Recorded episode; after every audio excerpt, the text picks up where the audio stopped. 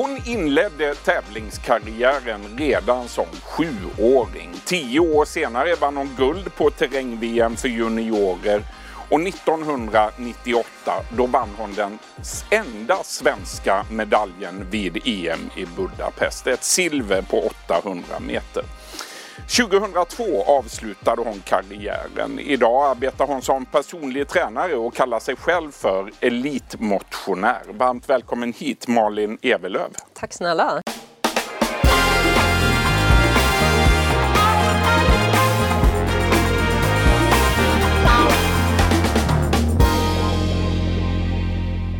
Malin, eh, ja allra först, vad minns du av den första tävlingen, Lilla Lidingöloppet? Du var sju år gammal. Ja, jag hade ju småsprungit lite mindre lopp i, i Södertälje där jag är uppvuxen. Men det var mitt första stora lopp. Och, eh, jag var egentligen två år för ung. Eh, det fanns ingen tävlingsklass för sjuåringar utan jag sprang med nioåringar. Och det var egentligen på grund av att jag har en två eller storebror som skulle springa. Och jag, jag har alltid gjort allt som han gjorde. Eh, det var bara att ofta var det två år för tidigt. Så att, man gjorde ett undantag ja, i ditt fall. Ja, det gjorde man. Ja. Nej, så att jag var lite huvud kortare än alla andra och eh, stod där och kände att eh, äntligen så Det här är jag på rätt plats ja, i livet. Så eh, på något sätt så har jag alltid känt det där att jag har eh, trivts med den där, eh, ska man säga, det är en viss typ av stress eh, och, och eh, press kring en tävling, en, en sån adrenalinpåslag och jag har liksom gillat att tidigt få den i, i livet och, och sen göra något som jag också var självklart rätt bra på då. Det var ju en, en trygghet. Och det såg man ju tidigt. För två år senare, då vann du Lilla Lidingöloppet. Hur stort var det för dig?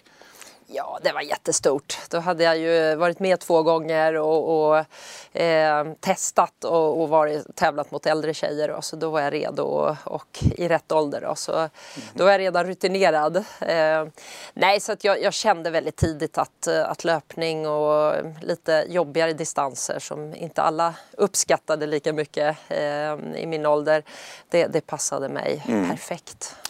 Du föddes 1972 i Gävle. Du växte upp i Södertälje i en sportig familj har du sagt. Eh, pappa Göran han tävlade i sin ungdom på samma distanser som du, 800 meter och 1500 meter.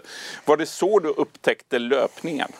Ja, det kom ju in väldigt tidigt i mitt liv just av att eh, pappa var ute och sprang mycket och, och eh, alltid varit väldigt aktiva med, med andra sporter också. Så, och så har jag en två eller storebror som sagt som, eh, som älskade att utmana mig i alla sporter. Och han vann ju alltid i och med att han var kille och två år äldre. Så, så att jag fick ju en hård skolning tidigt, tidigt där. Med, Fast med, några år senare, då slog du honom. Ja, oh ja. Nu, Ordentligt. nu sitter han på rumpan alldeles för mycket för att ha en chans mot mig. Så gäller att ha tålamod. Nej, så att jag, jag, jag hängde med tidigt med, med pappa när han sprang och, och även min storebror. Då. Och, och mamma supportade med bra mat och matsäck och tvätta kläder och annat.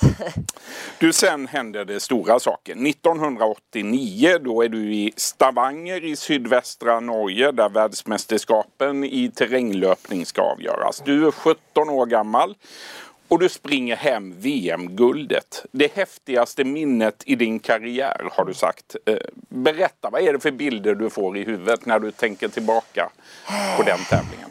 Ja, alltså det, det var ju det klart största jag hade varit med om förstås bara i, i konkurrensmässigt. Och, och eh, jag var ju två år för ung där också egentligen, eller man, man får vara 19 år då som junior. Eh, så att eh, jag hade ju inte en tanke på att jag skulle ha en chans att vinna det där utan jag tänkte bara att jag kör på här och ser vad, hur långt det räcker. Och, det var ju tjejer från Kenya och öststaterna och så som jag mötte och de eh, visste inte jag hur bra de var heller. Så mitt minne är ju bara att jag eh, ligger med där i täten. På, det var två varv på två kilometer styck. Men du insåg då att herregud, jag är en av de bästa i världen. Ja, det är klart att jag, jag hade väl som mål att eh, komma högt upp. Eh, jag vet att jag i mina tankar tänkte kanske bland de tio bästa och, och det är ju bra nog tänkte jag bland eh, kanske 150 tjejer från världens alla hörn. Men sen när andra varvet började så mm, var det en liten backe och jag tyckte väl inte att jag kanske sprang, eh, drog på extra men plötsligt så var alla borta runt mig och så tittade jag bak så hade alla släppt. Fenomenalt! Ja, så eh, då, då blev jag bara otroligt peppad och tänkte att vad är det som händer? Mm. sen var jag dödstrött på slutet men det var ju bara att kämpa hela vägen in i mål. Det gick vägen. Ja. Nio år senare, 1998, då är du på topp toppen av din karriär. Du vinner den enda svenska medaljen vid EM i Budapest. Ett silver på 800 meter. Hur stort var det då?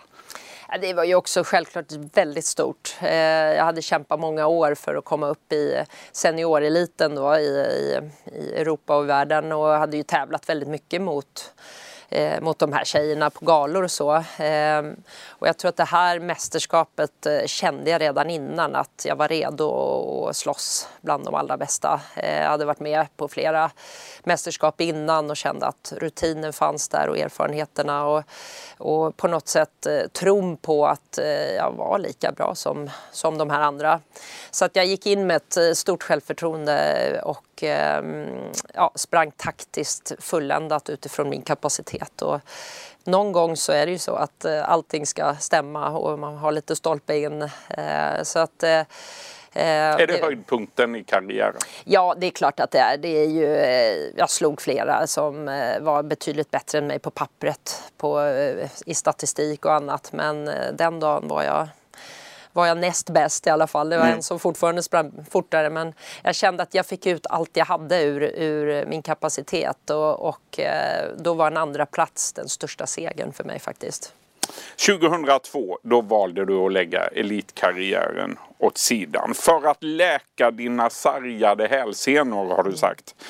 Hur ofta har du längtat tillbaka till eh, de stora tävlingarna? Ja, alltså, ja, det där tror jag aldrig går ur kroppen att man längtar tillbaka att stå färdigtränad på en startlinje på OS eller VM. Det, det, det skulle jag kunna göra fortsatt eh, hela livet. Men resan dit och allt, allt som krävs för att stå där, den, eh, den, den är, är lång och slitsam. Den är, den är långt borta. Mm. Eh, så det är ju, eh, tack och lov så vet man om alla delar i det här. Och eh, när jag la av så var jag ändå väldigt färdig med, med helheten tiden. Eh, även om man som sagt alltid kan drömma om att stå i, i toppform på en startlinje. Så att ehm, eh, jag tror för min del var det relativt eh, enkelt att lägga av ändå för jag hade haft så lång karriär och hållit på så många år och eh, fått ut, kände jag, allt jag hade ur, ur min kropp. Mm. Eh, och jag hade rejält eh, problem med, med ena hälsenan som jag, jag liksom var tvungen att läka. Den hade hållit på i ett par års tid och jag kunde knappt ha skor på mig och kände att jag kan inte mm, hålla på så här eh, resten av livet. Jag vill kunna springa i framtiden också. Mm. Så, så på något sätt så, så mm, kändes det ändå som jag var rätt färdig. Mm. Hur mycket följer du med i det som händer i svensk friidrott idag? Jag hänger med väldigt mycket i sport överhuvudtaget. Jag älskar sport. Eh, inte bara friidrott, även om det är eh, något som jag följer noggrant. Det finns de som menar att storhetstiden för den svenska friidrottstiden den är över. Eller Ja, men det, jag vet inte om jag riktigt kan hålla med om det. Det går ju i, i epoker det där och, och, under en, en period där när eh, i början av 2000-talet så hade vi en fantastisk period i svensk friidrott mm. med, med eh, OS-guld och VM-guld och allt möjligt och vilket inte är så vanligt i friidrott. Men, men jag tycker att eh, nu är det ett starkt gäng eh, i svensk friidrott. Framtiden igen. ser bra ut. Ja, jag tycker det igen och det behövs lite dalar och dippar och, och sen kommer det några råtalanger igen som, som är där uppe. Och vi har ju flera som är i yppersta världseliten och, och faktiskt kan vinna guld på, mm. på, på, både VM och OS. Så det, jag tycker det ser, ser faktiskt eh, väldigt bra ut just nu. Vi har några roliga år framför oss. Ja, absolut. Du, 2003, året efter att du hade lagt av, då antogs du till Polishögskolan och du sa att du hade velat bli polis i tio år. Men du blev inte det. Nej. Någonting nej, jag, hände. Ja, man har ju alltid några sådär eh, drömmar från när man är liten och, och jag pratade också om att eh, jag kunde tänka mig att bli polis, naprapat eller jurist. Mm. Men eh, polis låg där och, och eh, när jag la av så var jag väl i det där skedet att jag inte riktigt visste vad jag skulle göra eh, med mitt liv eh, framåt eh, yrkesmässigt och så tänkte jag jag bara söker in. Och eh, jag gjorde testerna och kom in. Men, du blev antagen? Jag blev antagen. Men i samma veva när jag faktiskt var på testerna, eh, fystesterna på Polishögskolan så ringde de eh, från ehm, eh, jag hade lämnat in ett graviditetstest på vägen så ringde de och sa att jag var gravid. Så det var ju sån där dubbelkänsla. eh, så det var väldigt glädje. Och sen eh, blev det så att jag eh, fick tre barn på tre och ett halvt år. Ja, det gick snabbt där. Ja, så att eh, det blev ingen eh, polishögskola. Även om jag som sagt hade det där och hade till och med blivit antagen. Sen kom jag in på annat. Du, jag har läst att du under tiden som du då fick Ida, Emma och Johanna. Under den tiden då sprang du också två maratonlopp. Inofficiellt svenskt rekord skrev Spårvägens friidrottsklubb efter det här. Vad tänker du om det idag? Hur klarade du av det? Ja, det, jag vet faktiskt inte. Det, jag har tänkt på det i efterhand att eh, det är någonting med det där när man är nybliven mamma att eh, jag kände mig ju stark som ett tåg alltså utan att jag tycker att jag hade tränat tillräckligt mycket för att springa på de tiderna. Eh, men det fanns en väldig glädje i att både kunna springa för mina hälsenor hade läkt eh, och eh, så var jag som sagt väldigt stark och det tror jag att det, det känner många mammor igen sig eh, som man får något mm. hormonpåslag. Så jag sprang med väldigt glädje också för det var liksom ingen press och ingen, ingen, inga mål egentligen utan bara ha kul. Otroligt imponerande. Ja men lite irriterande också för jag har varit bättre tränad inför maratonlopp efter det här mm. första maratonloppet som jag sprang mellan eh, ja, andra och tredje barnet. Eh, och, eh, men jag har inte slagit den tiden. Så det är fortfarande mitt personliga rekord, eh, första loppet där. Du får en ny chans nästa år. Ja, jag får försöka. Du, hur intresserade är döttrarna nu då av träning? Och av löpning? Ja, alla tre har alltid fått följa med på mycket eh, uppdrag, både jobbuppdrag som har med träning att göra och, och privat. Så eh, äldsta och yngsta, Ida och Johanna, de är riktigt eh, insatta i löpning. De älskar den här slit och släplöpningen som jag har hållit på med. Det här Vad jobbiga. kul! Det måste vara som mamma. Ja, ja, det är så. Och Emma hon springer lite mindre men hon, har, hon dansar ballett så att hon har jämnat ut med lite annat. Mm. Så att det är en fortsatt aktiv familj. Själv kallar du dig för elitmotionär idag. Vad betyder det egentligen? Vad krävs för att man ska få kalla sig för elitmotionär? ja, jag vet inte. Det är väl eh, mer att eh, jag känner att jag är ju absolut inte elitlöpare längre för det, det, eh, då tränade jag dubbelt så mycket som jag gör idag. Men jag tränar fortfarande nästan varje dag någonting. Och eh, jag gillar ju fortfarande att springa lopp eh, någon gång då och då, långlopp numera. Och därför så, eh, ja, så, så, får jag väl kalla mig att jag, jag tränar kanske lite mera än, än normalpersonen fortsatt. Även om jag tänker att jag inte tränar så mycket. Så, eh, för jag jämför med mitt gamla jag. Så inser jag att det kanske är något mer. Jag än... tror att du tränar lite ja. mer än de flesta. så du... då får jag kalla mig för det tror jag. är det inte lika viktigt att vinna längre för dig? Nej, det, det, måste jag säga att eh, det har ju avtagit lite eh, med tiden just att eh, nu tävlar jag ju på mina lopp mer mot mig själv. Att eh, jag sätter upp något mål, ett tidsmål som jag... Men du är ändå en tävlingsmänniska? Ja, gud, när jag står på startlinjen så, så går ju de gamla känslorna igång och jag mm. vet att jag kommer inte eh, mysspringa runt utan det det är full satsning. Men sen får jag ju inse på startlinjen ibland att eh, jag har några motståndare som är 20 år yngre och som, som tränar eh, dubbelt så mycket som mig. Så jag, även om huvudet vill vill eh, fortsatt eh, konkurrera med dem så, så känner jag att eh, jag får inse min begränsning också. Det måste vara tungt att behöva inse det Ja, ibland. det är ju ja. innan, långt innan inga problem. Men just på startlinjen, mm. någon minut innan start, då, då är det lätt att glömma att jag har blivit 20 år äldre. du, det är inte bara löpning du ägnar dig åt. Eh, du åker dessutom längdskidor, du simmar och du cyklar massor, inte minst i jobbet. Och så spelar du tennis mm. mot eh, bland annat tidigare höjdhoppsstjärnan Kajsa Bergqvist. Vem av er är bäst? Ja, jag får tyvärr erkänna att Kajsa är väl snäppet bättre än mig, har alltid varit, men vi är otroligt jämna. Eh, men eh, hon vinner eh, kanske Sju av tio. Sju av tio? Ja, så jag vinner då och då. Men, ja. men det är...